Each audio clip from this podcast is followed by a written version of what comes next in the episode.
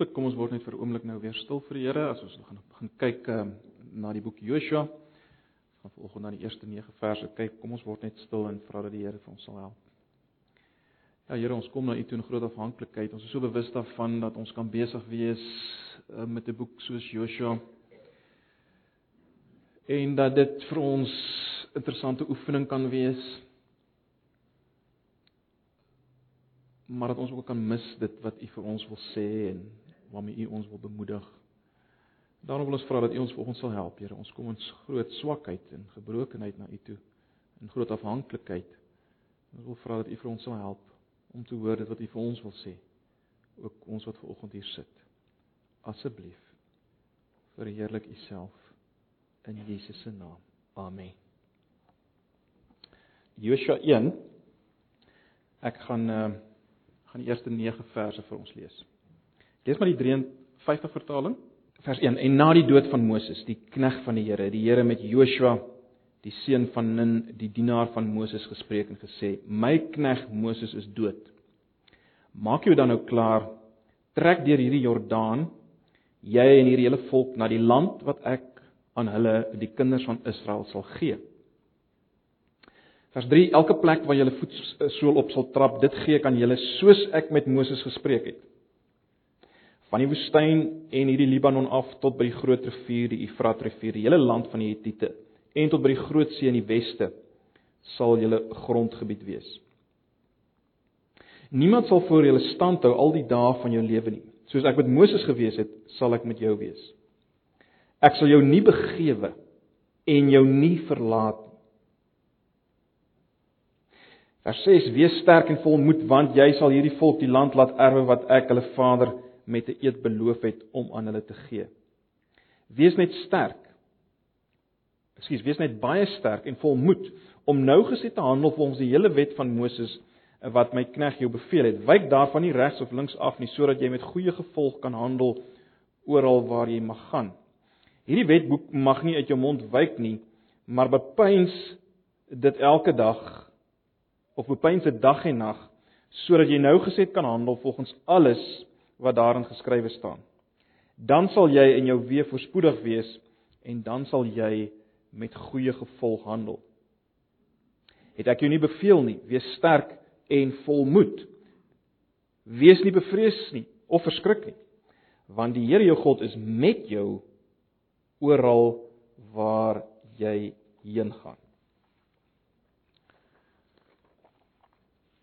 Dit lyk my ons moet maar eers daai PowerPoint bietjie vergeet. Maar goed, My knegg Moses is dood.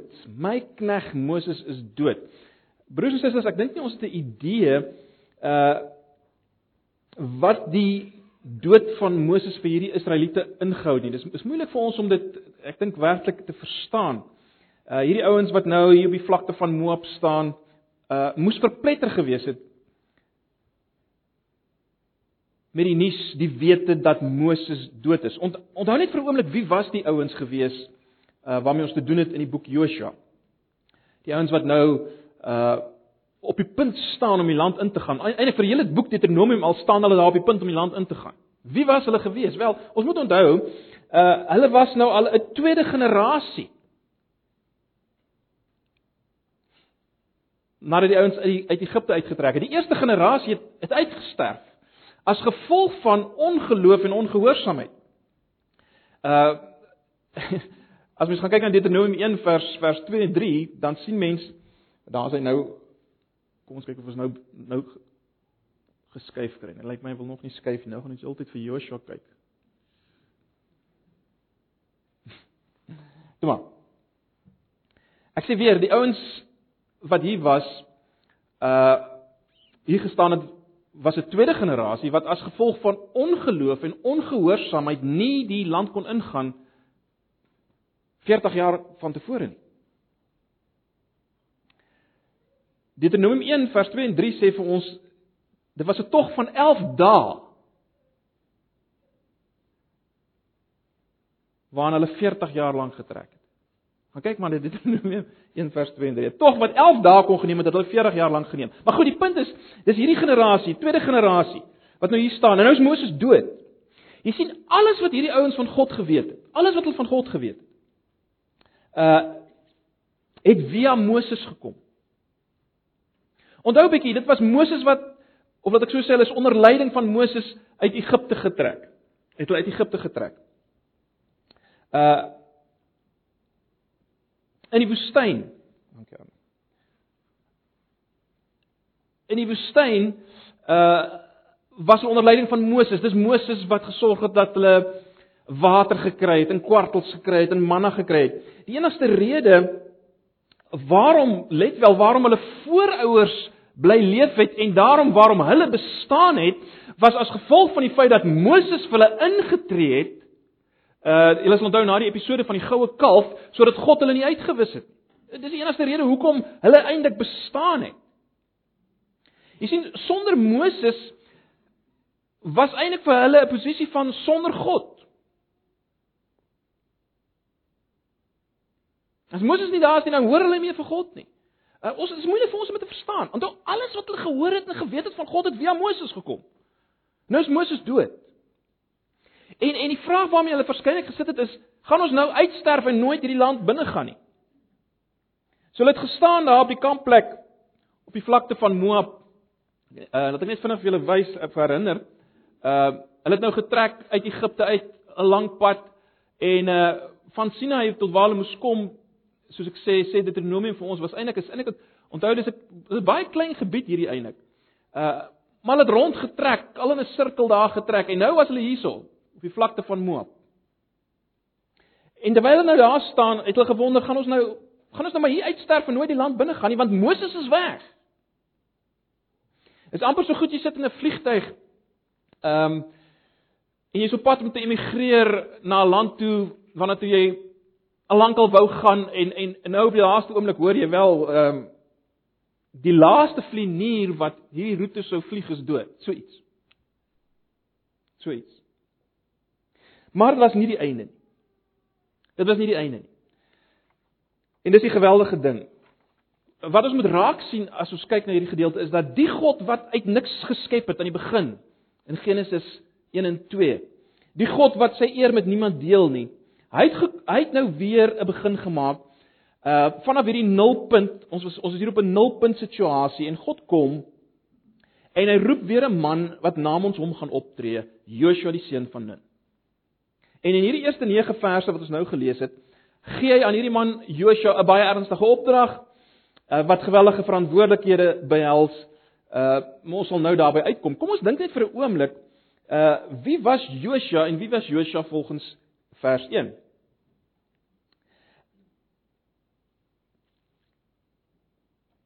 Let op, Moses word beskryf as die knegg van die Here. Wat natuurlik wys op 'n op 'n 'n tipe van 'n verhouding wat hy gehad het met die Here, 'n diep verhouding van gemeenskap wat hy gehad met die Here en hy was ook natuurlik die die verbondsmiddelaar. As knegg van die Here was hy die verbondsmiddelaar. Ek praat van die diepte van sy gemeenskap want dit is baie interessant dat as ons uh wil hierdie dingetjie weer nie aanskuif nie. As ons kyk na Eksodus 33 vers 11 dan dan lees ons die volgende. Eksodus 33 vers 11. Dan spreek die Here met Moses van aangesig tot aangesig soos 'n man met sy vriend. Dan spreek God of dan spreek die Here met Moses van aangesig tot aangesig soos 'n man met sy vriend.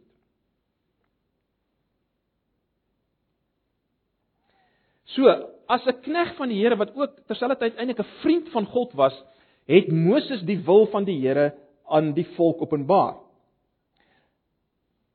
Maar kyk nou hoe word Joshua beskryf. Joshua word beskryf as Moses se dienaar, ook in uh vers 1 sal julle sien. Hy word beskryf as Moses se dienaar. Joshua die seun van Nun, die dienaar van Moses. Ons het twee sonne na uh, verlede daarna verwys. Maar daar's die teksgedeelte nou. Uh Kom ons kyk na Joshua.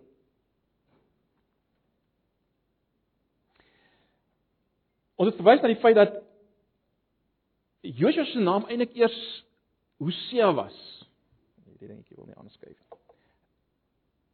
Sy naam was eers Hosea wat interessant beteken verlossing en dan gaan Moses en hy verander Joshua se naam na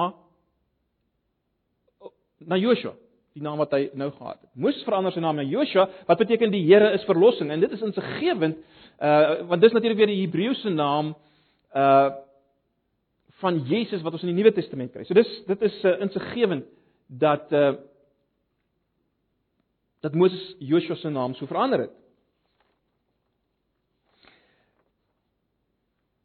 Daar's 'n paar dinge wat ons moet verstaan van van hierdie man Joshua. Hy is deur Moses uitget kies om die aanvoerder te wees in 'n geveg teen die Amalekiete. Ons kry dit in Eksodus 17 en hy behaal die oorwinning oor die Amalekiete. So kyk wat julle moet raak sien is dat God is God het hierdie ou ou voorberei Joshua vir die taak wat hy nou moes volvoer. En dit het 'n lang pad gekom. So hy is deur Moses uitget kies om die aanvoerder te wees al lank terug in Eksodus 17 teen die Amalekiete. Hy het die oorwinning behaal. Hy's 'n man wat saam met Moses op die berg van God geklim het in Eksodus 24. Hy het na 40 dae en 40 nagte weer afgeklim uh van die berg af. Ons sien dit in Eksodus 32. Daar's 'n baie interessante gedeelte, ek het dit vir julle daar uh opgesit ook in Eksodus 33 vers 11. Uh in die tent van samekoms sien ons dat die Here met Moses van aangesig tot aangesig gespreek het, soos 'n man met 'n vriend spreek. Ons het nou net na daai gedeelte gekyk. En dan het hy na die laar teruggegaan, maar sy dienaar Joshua, 'n jong man, die seun van Nun het hom nie uit die tent verwyder nie. So hierdie jong man Joshua was daar in die tent terwyl God met Moses gepraat het, so hy het iets daarvan beleef, maar uh dit, dit lyk asof uh die Here hom nie toegelaat het om meer te sien nie. Dis kan nou daaroor spekuleer, waarskynlik omdat die Here hom wou wou bind aan die skriftelike boodskap uh wat hy sou kry. Maar uh, dis belangrik. Uh in Numeri 11 vers 28 sien ons dat van jongs af uh was Joshua Moses se dienaar. So dis belangrik. Hy was ook natuurlik een van die verkenners van Kanaan. Die verkenners wat na Kanaan toe gestuur is. Uh daar nommer 13 en saam met Caleb uh, uh Caleb, ekskuus, was hy natuurlik een van die verspieders wat aanbeveel het dat hulle die land binne trek. Onthou die meeste ouens was vreeslik be, be, vreesbevange geweest en gesê ons kan nie die land binne gaan nie. Joshua was een van die wat gesê het hulle kan die land binne gaan. Hy was ook die enigste of een van die enigste twee van die aanvanklike generasie wat uiteindelik die land binne getrek het. Na daai 40 jaar sirkel wat hulle geloop het, was hy een van die enigste twee wat die land binne getrek het. Baie belangrik ook. En uh, julle moet dit in gedagte hou as ons net nou by die by die Nuwe Testamentiese toepassing kom.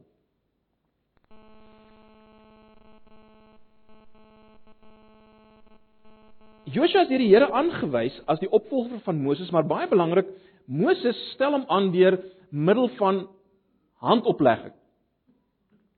En dit is baie interessant dat die Here uiteindelik vir Moses sê: "Neem vir Joshua die seun van Nun, 'n man in wie die Gees is, en lê hom die hand op." Die klem word gelê op die feit dat hy 'n man is in wie die Gees is. Interessant as mens nou uh, na die hoofstuk net voor Joshua 1 kyk in Deuteronomium 34 waar daar weer klem gelê in Deuteronomium 34 se vers as daar oor Joshua gepraat word, waar daar weer klem gelê dat Joshua man is in wie die Gees is. En moet dit nie mis nie. Onthou dit nou as ons uiteindelik gaan kom by die Nuwe Testamentiese toepassing. Joshua was 'n man in wie die Gees is. Baie belangrik, baie baie belangrik vir uh dit waarmee ons besig is. Hy word ook saam met die priester Eliezer al lankal in Deuteronomium 34 vers 17 uh as te ware benoem om die land te help verdeel. Uh julle die teksvers daarvoor julle. So alles het daarop gedui dat dat die Here met Moses of wat ek so sê, alles dui daarop dat die Here nou met Mo, met Joshua gaan werk soos hy met Moses gewerk het of met Joshua gaan praat soos hy met Moses gepraat het. Soos Moses die wil van die Here bekend gemaak het en en so meer sou Joshua dit nou wees. Ons kan dit ons kan dit so stel dat in hierdie een man Joshua sou daar twee rolle bymekaar kom. Hy sou 'n bemiddelaar wees, met ander woorde, God het nou weer iemand daar gestel wat as te ware tussen hom, tussen God en die volk staan. Dis dis dis dis die werk van 'n bemiddelaar of middelaar. En hy sou ook die volk in die land inlei as verlosser, as leidsman. en uh, hoor dit nou al ek, ek dink julle hoor al klaar iets hiervan van van dit wat ons uiteindelik in Jesus sien, nê, nee, Jesus wat die tipe van uh Joshua is. Kom ons kyk net na vers 2 tot 5. Is baie interessant in vers 2 tot 5 van Joshua 1 kry ons eintlik 'n samevatting van die hele boek. En nou is dit miskien so 'n bietjie tegnies, maar ek wil dit net vir julle noem want ek dink dit is nogal interessant om dit raak te sien, dit is belangrik om dit raak te sien. Ons vind hier in 'n neutedop eintlik dit waaroor die boek later gaan uitbrei.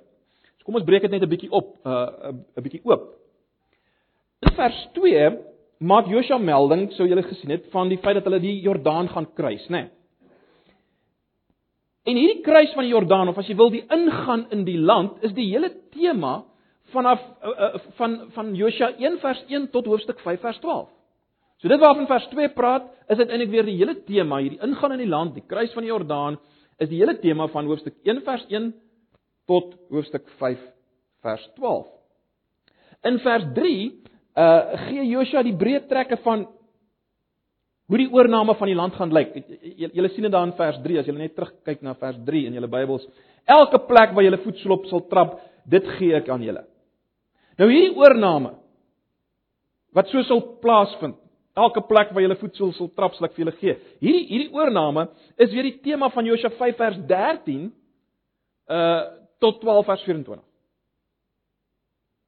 Dis die tema van 5 vers 13 tot 12 vers 24. En dan vers 4 uh waar die grense van die land gegee word. Vanaf die Libanon in die noorde tot die Efrat in die ooste tot die Middellandse See in die weste. Uh dis wat ons daar kry in vers 4 en dit dek die tafel uiteindelik vir wat ons gaan kry in Joshua uh hoofstuk 13 tot 22 waar die land tussen die stamme verdeel gaan word. Vers 4 dek die tafel vir daai daai gedeelte. En dan uiteindelik in vers 5 uh van Joshua 1 vernuwe God die belofte aan Joshua en aan Israel en dis weer die tema van die twee laaste hoofstukke van Joshua hoofstuk 23 en hoofstuk 24. Dit is interessant om te sien dat alles eintlik wat ons in die boek kry word al hier in embrio vorm gevind in vers 2 tot 5. Maar kom ons dink 'n bietjie oor 'n paar dinge wat ons hier raak sien. Kom ons maak dit bietjie vas. Wiese land is dit as God sê ek sal vir hulle die land gee? Wat wat sê dit per implikasie? Wiese land is dit? Wel is baie duidelik uh dat dit God se land is. Ek onthou ek herinner julle net aan Eksodus 15 vers 17. Ons het twee Sondae gelede dit ook gelees. Uh as as as Moses vooruitkyk na wat gaan gebeur, uh uiteindelik as die volk die land ingaan, dan sê hy dit in in daai lied van hom. Hy sê: "U, dis nou die Here, bring hulle in en plant hulle op die bergland van u erfenis." Die plek o Here wat U as 'n vaste woonplek vir U berei het, die heiligdom wat U hande gestig het o Here. En hy praat van die land. So hierdie land waarna hulle ingaan, is dit. Dis die Here se plek. Dis die Here se plek. Hy beskryf die hele land daar as 'n bergland van die erfenis, waarskynlik omdat berge in daai tyd berge was die plek waar gode gebly het. Uh maar dis dis dit gaan God se heiligdom wees. En weer eens maak sin as as as, as mens dink dat God ehm um, nadat hy geskep het rus, nê, nee, en, en en God rus en dit ons het al mekaar gesê dit dui op die tempel, die tempel wat hy gemaak het. Die hele land was in 'n sin 'n God se tempel. Maar goed, die belangrike ding is wie se land is dit wel? Dis die Here se land. Ek herinner julle net weer aan die aan dit wat ons gesê het twee sonnige gelede. Dis die grense wat nou gegee word uh in in hoofstuk in in vers 4, né? Nee, van die Efrat Mediterrane See en so meer. Uh en in baie plekke in Genesis uh en later word die grense van die land gegee. Maar julle sal onthou ek het twee sonnige gelede gesê dat breedweg is dit ook die grense wat uiteindelik aangegee word. Jy sal sien daar is die daar is die Jordaan, né? Wat waar hulle oorgegaan het. Breedweg is dit die grense wat uiteindelik gegee is vir Eden. In Genesis 2. Uh en ek het daarna verwys dat waarskynlik dit wat ons kry in Genesis 1 vers 2 die aarde wat die woord wat gebruik word is die woord eret wat oral gebruik word in die res van basies oral paar uitsonderings wat gebruik word in die Ou Testament vir die land Kanaan uh dit dis waarskynlik die land waarvan gepraat word in Genesis 1 vers 2. Maar maar hoe dit ook al sê, die belangrike ding is om te sien, dis God se plek. dis die plek wat hy aanvanklik geskep het vir die mens. Eden. En dis wat hy nou gaan gee vir die volk Israel. Baie belangrik. Dit is belangrik om dit te verstaan want dan verstaan 'n mens dat die ouens wat op die oomblik in die land gebly het, dis nie hulle plek nie. Hulle was squatters daar, bywoners. En en dit is belangrik want dan verstaan jy hoekom die Israeliete hierdie ouens totaal en al moes uitroei. Want ons sien in Genesis 15 byvoorbeeld dat dat die Here sê die maat van die Amoriete is, is vol, die maat van hulle sonde. Hulle hulle het hierdie land besmet, hierdie plek van die Here, sy heiligdom. Eksodus 15. Sy heiligdom is besmet deur hierdie ouens. So dit was nie armsalige arme mense wat uit hulle land gedryf is onregverdiglik deur die Israeliete. So dis baie belangrik. So ons moet hierdie groter verlossingsprentjie in gedagte hou. Die land behoort aan die Here. Maar baie belangrik, hierdie land sou natuurlik nooit deur die volk met hulle eie krag en vaardighede ingeneem kon word nie. Uh alle aanduidinge is daar dat dat uh die Kanaaniete was geweldige gevreesde vegters. En dit bring ons by die wonderlike belofte van vers 5. As die Here vir hulle sê, vir Joshua sê, niemand, let wel, hy sê dit vir Joshua. Niemand sal vir jou staan hou al die dae van jou lewe nie, soos ek met Moses gewees het, sal ek met jou wees. Ek sal jou nie begewe en jou nie verlaat nie. Dis vir alle belangrike sinsnede daai wat ons uiteindelik gaan sien kom weer in die Nuwe Testament voor. Ek sal jou nie begewe en ek sal jou nie verlaat nie. Gewellige belofte. Maar hoekom sal God dit doen? Hoekom sal hy Moses ag uh, uh, hoekom sal hy Joshua nie begewe en nie verlaat nie? Wel, kyk na vers 6. Kyk na vers 6. Wees sterk en volmoed want jy sal hierdie volk die land erwe wat ek aan hulle vaders met 'n eed beloof het om aan hulle te gee. Vers 6 is baie belangrik. Hoekom kan God sê ek sal jou nooit begewe en jou verlaat nie? Want God het 'n eed gemaak aan die vaders. Wat beteken hy het gesweer hy gaan dit doen? Nou as jy terugdink aan Hebreërs, eh, ons baie daaroor gepraat, nê. Nee, God het 'n belofte gesweer by by homself. Hy kom by niemand hoor sweer nie. Hy gaan dit doen. Ek het 'n hele paar gedeeltes daar opgesit. Julle moet maar self uh, gaan lees weer en weer aan Abraham in Genesis 12 en Genesis 15 en Genesis 17 en Genesis 22 beloof hy onder andere die land, nê, nee, groot nageslag, maar die land, die seun wat deur hom sal kom ook, maar die land is oral. In Genesis 15 gee weer die grense van die land en ek het juis daarna verwys toe ek gewys die ooreenkomste tussen die grense daar in Genesis 15 en die grense wat uiteindelik gegee is vir uh, of wat wat in eerste instansie gegee is vir Eden. Maar hy herhaal dit aan Isak. Hy herhaal dit aan Jakob. En miskien moet ek net lees hoe hy dit aan Jakob herhaal. Jy sal weet Jakob 'n stadium met hy gevlug en hy's by Laban en en en dan kom hy weer terug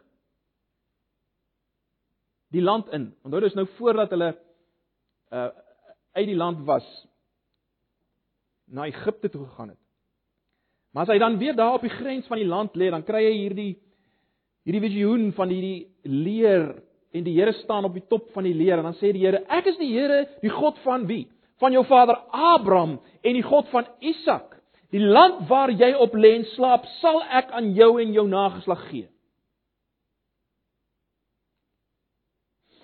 en jou nageslag sal wees soos die stof van die aarde en jy sal uitbrei na die weste en ooste en na die noorde en die suide en in jou sal al die geslagte van die aarde en in jou en jou nageslag ekskuus sal al die geslagte van die aarde geseën word So dis wat hy sê aan Jakob daar in Genesis 28 vers 10 tot 15. Uiteindelik aan Moses en Eksodus uh sê die Here ook, ek sal jou grense vasstel van die Skelfsee, dis maar die Rooi See, tot by die see van die Filistyne, dis die Middellandse See. En van die woestyn af tot by die Efrat, ons het dit gesien, want ek sal die inwoners van die land in julle hand gee en jy sal hulle voor jou uit verdryf. So God maak hierdie belofte en dis waarom hy kan sê Dis hoekom hy kan sê vir Joshua Ek sal jou nie begewe en jou nie verlaat nie. En baie belangrik en dit ons raak sien is dat die volk om dit so te stel kon nie deur hulle eie gehoorsaamheid as jy wil, hulle misluk, ons weet dit, dis hoekom hulle 40 jaar langer rondgetrek het. Hulle het nie of hulle kon nie die land ingaan deur hulle eie ongehoorsaamheid aan die verbondskrifte nie, uh, aan die verbondsvoorskrifte nie. En nou gaan God dit deur Joshua doen. God gaan deur Joshua doen wat die volk nie kon doen nie. En dis belangrik, hou dit in jou agterkop. God gaan deur Joshua as te ware doen dit wat die volk nie kon doen nie. So God het 'n belofte gemaak en hy gaan sy belofte hou via dit wat Joshua gaan doen en wat die volk in en deur Joshua as te ware gaan doen. Onthou dit. Dis wat God gaan doen. Hy het 'n belofte gemaak. Die volk het misluk. Hy rig Joshua op. Wat hulle nie kon doen nie, gaan God doen deur Joshua en hulle as te ware saam met Joshua as ek dit so kan stel. En dit bring ons onmiddellik by die verbonds oproep in vers 6 tot 8. Kan ons net Ekskuus, vers 6 tot 8. Die verbondsroep oproep in vers 6 tot 8. Uh kom ons lees dit net weer vinnig. In vers 6 sê die Here vir Josua: "Wees sterk en vol moed, want jy sal hierdie volk die land laat erwe wat ek hulle vaders met 'n eed beloof het om aan hulle te gee." Ons het nou gekyk na hierdie belofte wat ek aan hulle vaders beloof het. Vers 7: Wees net baie sterk en vol moed om nou gesê nou gesê te handel volgens die hele wet van Moses, my knegg wat uh ekskuus wat Moses my knegg jou beveel het, wyk daarvan nie regs af of links af nie, sodat jy met goeie gevolg kan handel oral waar jy mag heen gaan. Vers 8: Hierdie wetboek mag nie uit jou mond wyk nie, maar bepeins dit dag en nag sodat jy nou gesê kan handel volgens alles wat daarin geskrywe staan, want dan sal jy in jou weë voorspoedig wees en dan sal jy met goeie gevolg handel. So die Here kom hier en hy maak 'n oproep op Josua, baie belangrik in die lig van God se verbondsgetrouheid. Let wel, die oproep uh wees sterk en vol moed is nie maar net 'n so algemene motiveringsoproep deur 'n motiveringsprediker nie. Met ander woorde, man, Josua, wees net sterk en vol moed. Uh jy kan enigiets doen wat jy graag wil, Moses, ag uh, Joshua. Jy het dit in jou man, jy het die potensiaal. Wees net sterk en vol moed en neem hierdie goed in besit. Dis nie waaroor dit hier gaan nie. Joshua kan sterk wees en vol moed want God se woord is op die spel. God se beloftes aan die vaders is op die spel. Dis hoekom Joshua kan sterk wees en vol moed want God sal doen wat hy beloof het. Dis hoekom jy kan sterk wees en vol moed Joshua. Baie baie belangrik. God kan nie sy woord breek wat hy met 'n wat hy gesweer het nie en daarom sal Joshua slaag en daarom kan hy vol moed wees. Baie belangrik. Joshua moes deur sy gehoorsaamheid aan die Here wat sou blyk uit sy gehoorsaamheid aan die wetboek moes hy as te ware die instrument in die hand van God wees om die volk weer in die beloofde land in te lei. Met ander woorde, ons het hier God se belofte En ons het die instrument wat God gebruik, naamlik Josua via sy gehoorsaamheid aan die wetboek. Hou dit in gedagte. God se belofte en hy doen dit deur Josua wat gehoorsaam is aan hierdie wetboek. Nou eh, die wetboek was natuurlik niks anders as die boek Deuteronomium nie. Julle sal weet Deuteronomium beteken tweede wet, Deutero tweede Nomium Nomos wet, tweede wet. Uh, uh, die wetboek was Deuteronomium, die voorskrifte wat hulle gekry het op die vlakte van Moab en dit wat 40 jaar tevore op Sinai gegee is aan Moses. Onthou God het hulle uit genade gered en verlos. En net soos in Eden aanvanklik God alles vir die volk uh, alles vir sy mense gegee het. Net soos ons daar al sien, ek wil vir jou God wees, hier's alles wat jy het, maar wees vrugbaar, vermeerder, moenie eet van die bome in die tuin nie. Net so is daar nou ook die beloftes van God, maar daar's 'n ander kant, nê? Nee. Julle moet my volk wees. En Joshua moes dit as te ware doen en die volk deur Joshua moes hulle gehoorsaam wees aan die wetboek. Net soos die Adam en Eva gehoorsaam moet moes wees aan aan God in die tuin van Eden om daai om die om die land daar te te behou. Dieselfde hier, né? Dieselfde gedagte is hier. Daar moes gehoorsaamheid wees. Daar's 'n daar's daar's twee kante aan die verbondsverhouding. Ek gaan vir jou God wees. Ek dis hoekom jy dit kan doen, maar dit werk deur middel van jou gehoorsaamheid. En dis wat ons hier sien. Baie baie belangrik.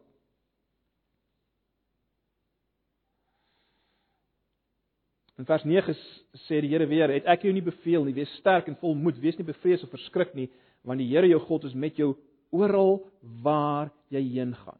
Weerens, dis hoekom Josua nie moet afwyk van die wetboek nie, dis hoekom hy dapper kan wees, want die Here is met hom, die Here sal hom nooit verlaat nie. Maar goed. Dis alles wat gebeur het baie baie jare gelede. Dis alles Ou Testamentes wat God gedoen het. Die vraag is nou vanuit die Nuwe Testament. Hoe moet ons hieroor dink? Wel, Romeine 15 vers 4 wat ek daar in hakies gesit het, sê vir ons dat ons Josua kan lees en moet lees, né? Nee. Uh, uh, luister net weer na Jo, uh, uh, Romeine 15 vers 4 want alles wat tevore geskrywe is is tot ons lering tevore geskrywe sodat ons deur die leidsaamheid en bemoediging van die skrifte hoop kan hê. So dit sluit sekerlik die boek Joshua in. Die vraag is hoe moet ons dit lees? Wel, in die eerste plek, hoe moet ons die gedeelte nie hanteer? Miskien moet ons dit eers sê. Dit is altyd goed om eers te sê hoe jy iets nie moet hanteer nie, want dan weet jy hoe jy dit moet hanteer. Hoe moet ons dit nie hanteer nie? Wel, in die eerste plek wil ek sê dat ons dit nie polities moet hanteer of vir nasionalistiese doeleindes nie. En ongelukkig is hierdie gedeelte al so gebruik en hanteer. Uh in 'n sekere sin, al moet ons dit nou self erken, het die het ons ou voorvaders, die voortrekkers baie keer die boek Josua so gebruik. Met ander woorde, daar's 'n direkte lyn getrek tussen die land wat God beloof het en wat Josua moes ingaan en dit wat hulle as voortrekkers moes doen en die land ingaan en hulle het op dieselfde manier gewerk met die inwoners van die land as wat Josua gewerk het met die inwoners van die land. Dis ongelukkig die realiteit. Ons kan nie so met die boek werk nie. En dit geld vir beide kante van die politieke spektrum, né? Nee, kan nie so met hierdie boek werk. Dit sou verkeerd wees om so met die boek te werk, om dit te gebruik vir politieke doeleindes en te sê, kyk, dit wat die Here sê, hy gee die land vir ons, watter land ook al en ons kan dit inneem en ons kan ouens uitroei soos ons wil. Ons kan dit nie so gebruik nie. Maar ons kan dit ook nie gebruik om vir ons eie belang of ons eie ideale nie. Met ander woorde, iets soos Ehm um, Ek wil 'n belangrike pos hê. En nou lees ek hierdie gedeelte en ek sê, "Wel, sien dit, um, hierdie pos van my is gelyk aan hierdie land wat die Here Josua beleef het, uh, beloof het. Ek moet net vol moed wees en en die Here gee vir my hierdie pos en hierdie werk en en dis ek vat hierdie woord vir my en ek gaan voort en ek trap almal rondom my plat soos die volk die uh, inwoners van die land plat getrap. Ons kan dit so gebruik nie. Dit sou verkeerd wees om dit so te gebruik. Joshua so te gebruik. Uh, let wel ek uh, ek sê nie uh die Here kan op jou hart lê om seker iets te doen en en, en ensovoorts uh nie dit is dieselfde met met ons voorouers wat dat die Here hulle gelei het. Dit, ek bevraagteken nie dit nie. Ek bevraagteken of jy Joshua so kan gebruik vir daai doeleindes. Wel, hoe moet ons dit gebruik?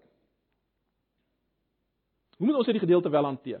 In die eerste plek, en ons het twee sonder gelede daaroor gepraat, ons moet verstaan dat die sleutel tot die verstaan van hierdie gedeelte is Joshua self. Joshua is 'n tipe van Jesus. Ons weet Joshua uh is die Hebreëse naam van Jesus wat beteken die Here is verlossing. Jesus is die Griekse naam van Joshua wat beteken die Here is verlossing.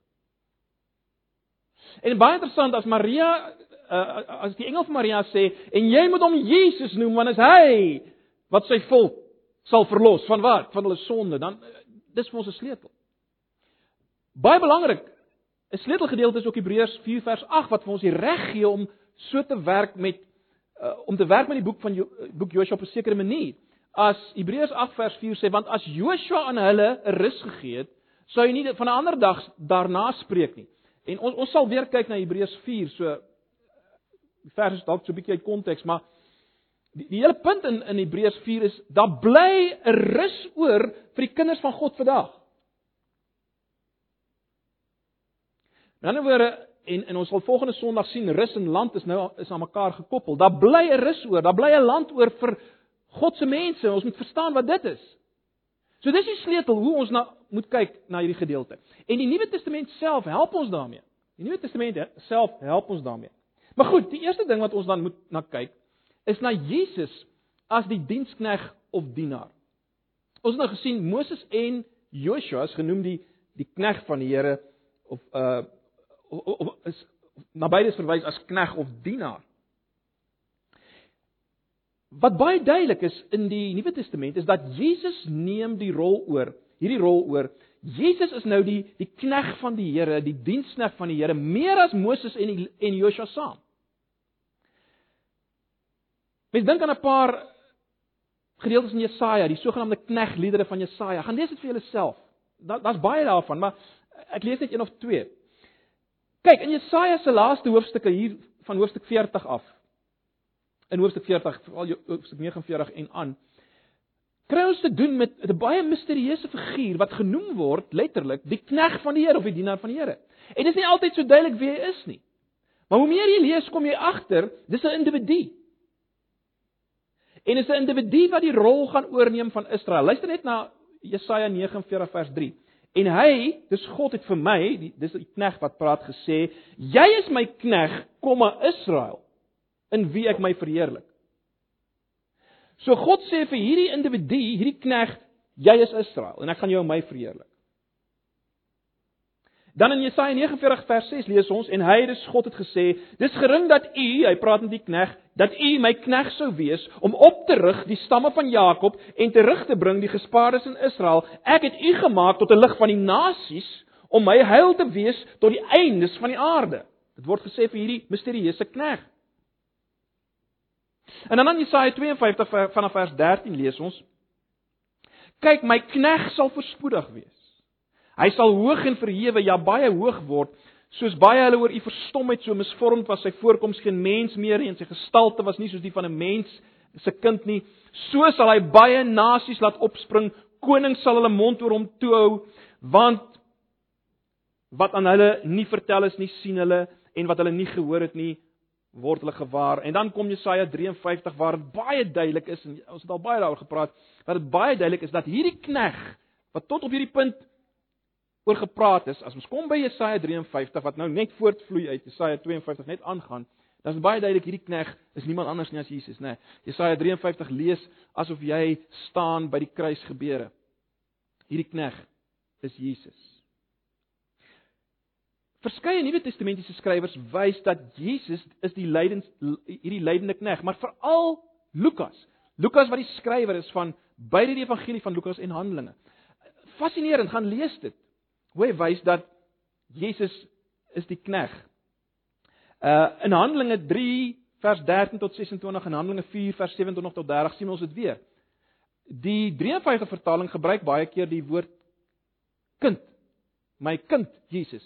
Maar uh ek wil nou nie lank daarop ingaan nie. 'n Beter vertaling in die lig van die Ou Testamentiese agtergrond waar dit baie duidelik kom, is die vertaling dienaar of knegg. So ek dink die 83 vertaling het beter vertaal om dit te vertaal met my dienaar in elke geval. So dit sien ons by by by Lukas veral in Evangelie en Handelinge word Jesus geteken as die die uiteindelike knegg of dienaar, soos Joshua die dienaar was. Dink bietjie aan die versoeking van Jesus in die woestyn. Dis baie fascinerend, is dit nie? Interessant. In Lukas Evangelie sien ons dat Jesus vol van die Heilige Gees.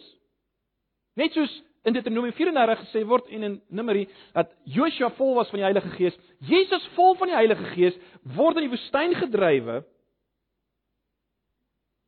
En dan baie interessant, dan antwoord hy die Satan net uit een boek uit. Deuteronomium. Is dit toevallig? Nee.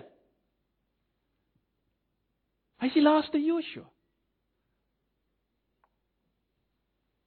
Hy antwoord die Satan uit die boek Deuteronomium. Dis dieselfde wetboek wat Josua oordink het en bepeins het in sy stryd om die land in te neem.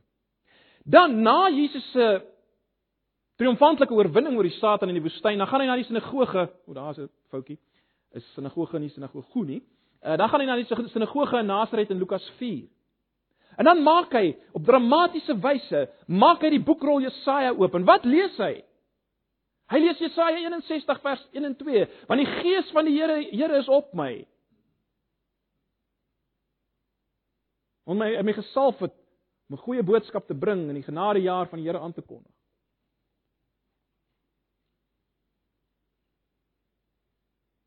Dis wat die knegg van Jesaja sê. Nie waar nie? Dis wat die knegg, die dienaar van Jesaja sê, die gees van die Here, Here is op my om om die goeie boodskap te bring in die genadejaar, die jubeljaar aan te kondig. En Jesus neem dit op homself van toepassing en hy sê vir hulle: "Vandag is hierdie woorde in julle ore vervul. Dit is ek. Ek is hierdie dienaar. Ek is hierdie dienaar." En kort daarna, nadat hy eh, dit gelees het in die sinagoge, dan begin Jesus die pad van verwerping loop wat ons natuurlik in Jesaja kry en uiteindelik sy toppunt bereik in Jesaja 53 Uh natuurlik ook daarna, ek moes dit eintlik bygesit het, is Jesus verhoog. En uh die Nuwe Testament praat van hierdie verhoging. So dis baie duidelik. Jesus neem hierdie rol oor. Maar nou wat van ons? Ons is natuurlik in Jesus. As Christene, dit is hoe die Nuwe Testament ons beskryf. Ons is mense in Christus. Die vraag is hoe gebruik die Nuwe Testament Joshua met betrekking tot die kerk? Nou hier is baie interessant. Dink vir 'n oomblik aan Handelinge 1 vers 8. Maar julle sal krag ontvang, let wel weer eens wanneer die Heilige Gees oor julle sal kom, die Heilige Gees wat op Joshua was en uiteindelik op Jesus was. Julle praat met die embrio van die kerk daar.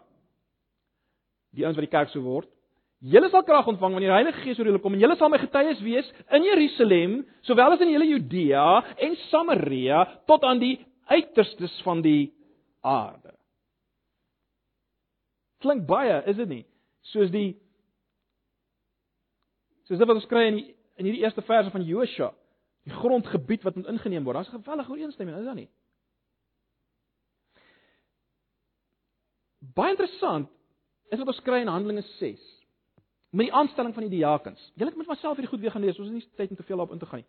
In Handelinge 6 as die diakens moet aangestel word, word daar gesê, kyk dan uit na manne onder julle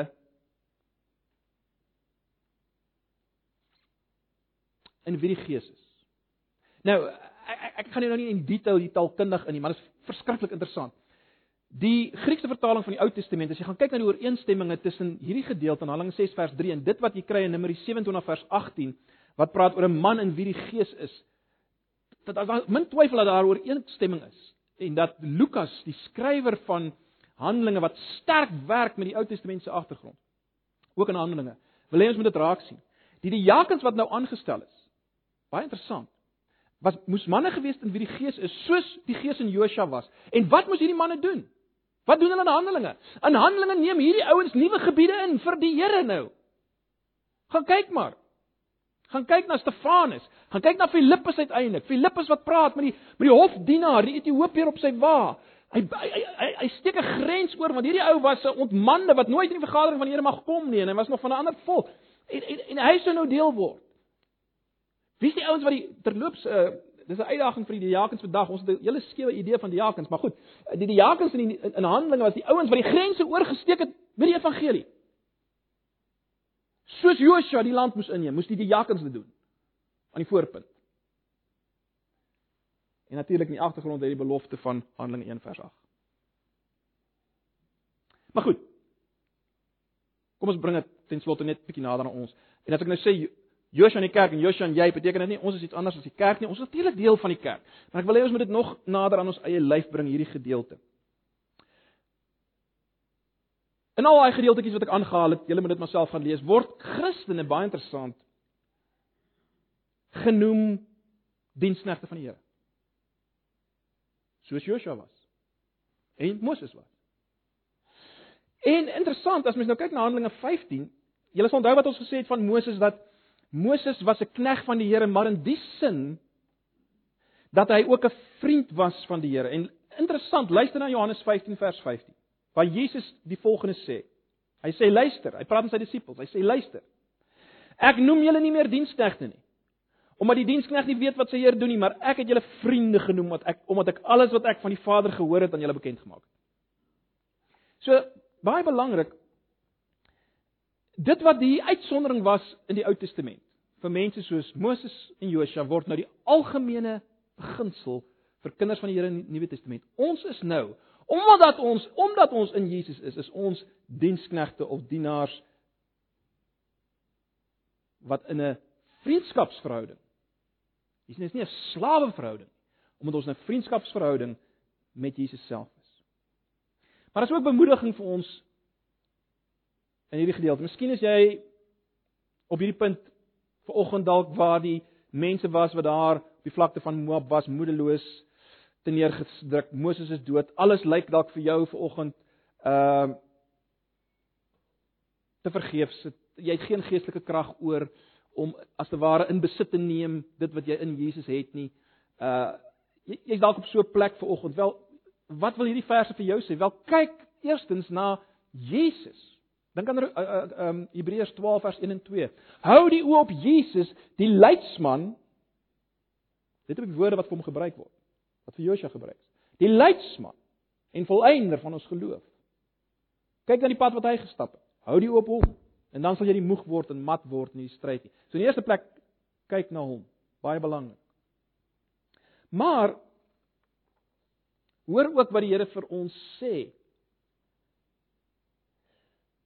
as diensknegter. Hebreërs 13 vers 5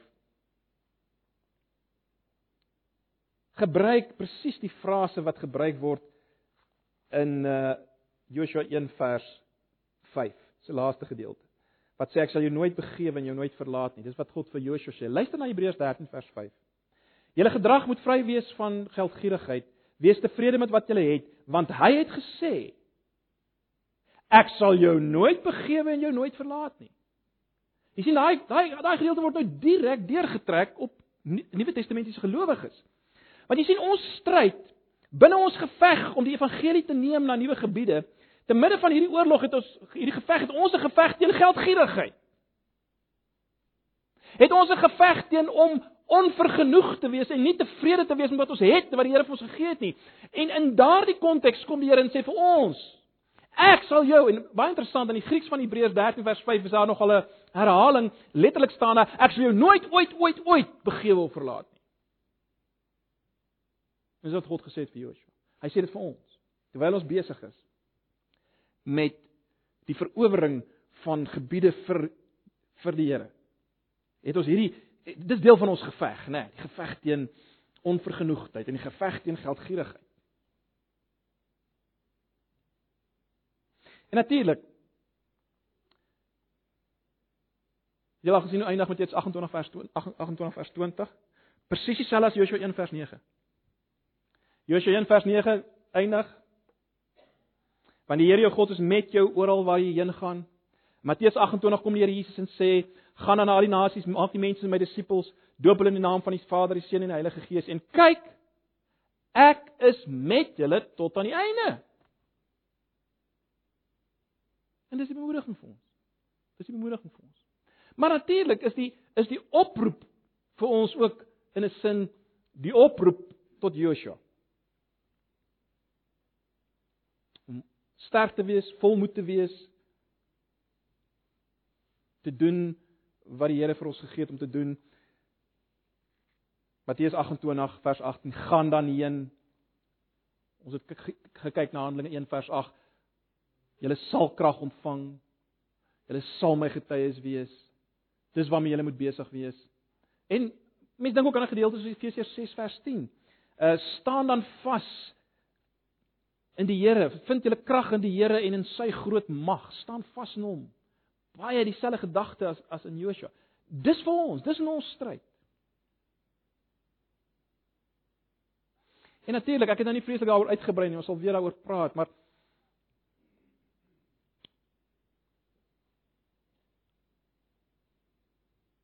dit is so belangrik om te verstaan dat in die eerste plek ons kan hierdie goed doen en ons kan hierdie stryd voer as gevolg van Jesus ons Joshua wat dit in ons plek gedoen het. Sy gehoorsaamheid, sy getrouheid in ons plek. Daarom kan ons dit doen. En en en en daarom kan ons ons ook verlustig nou, nie in die wetboek. Maar maar Die volheid van die openbaring in Jesus. God se laaste finale woord, weer eens Hebreërs 1 vers 2. Dis ons riglyn. Dis deur middel waarvan ons hierdie geveg veg en hierdie lewe leef. Ag broers en susters, uh mag die Here ons help om om dit te vat en in die lig daarvan te leef. Ek hoop julle sien dat dat die boek het betekenis vir ons. En ek vertrou ons sal dit verder ook nog sien hoe dit geweldige betekenis vir ons het. Ons wat leef in die laaste dae. Ons is deel van dieselfde beweging. Ons is deel van dieselfde groot verhaal. Mag die Here ons daarmee help. Kom ons sit net so dan bid ons. Ag Here, baie dankie vir u woord. Dankie vir die beloftes. Dankie vir die versekering van dit waarmee u besig is. Ons eer u daarvoor.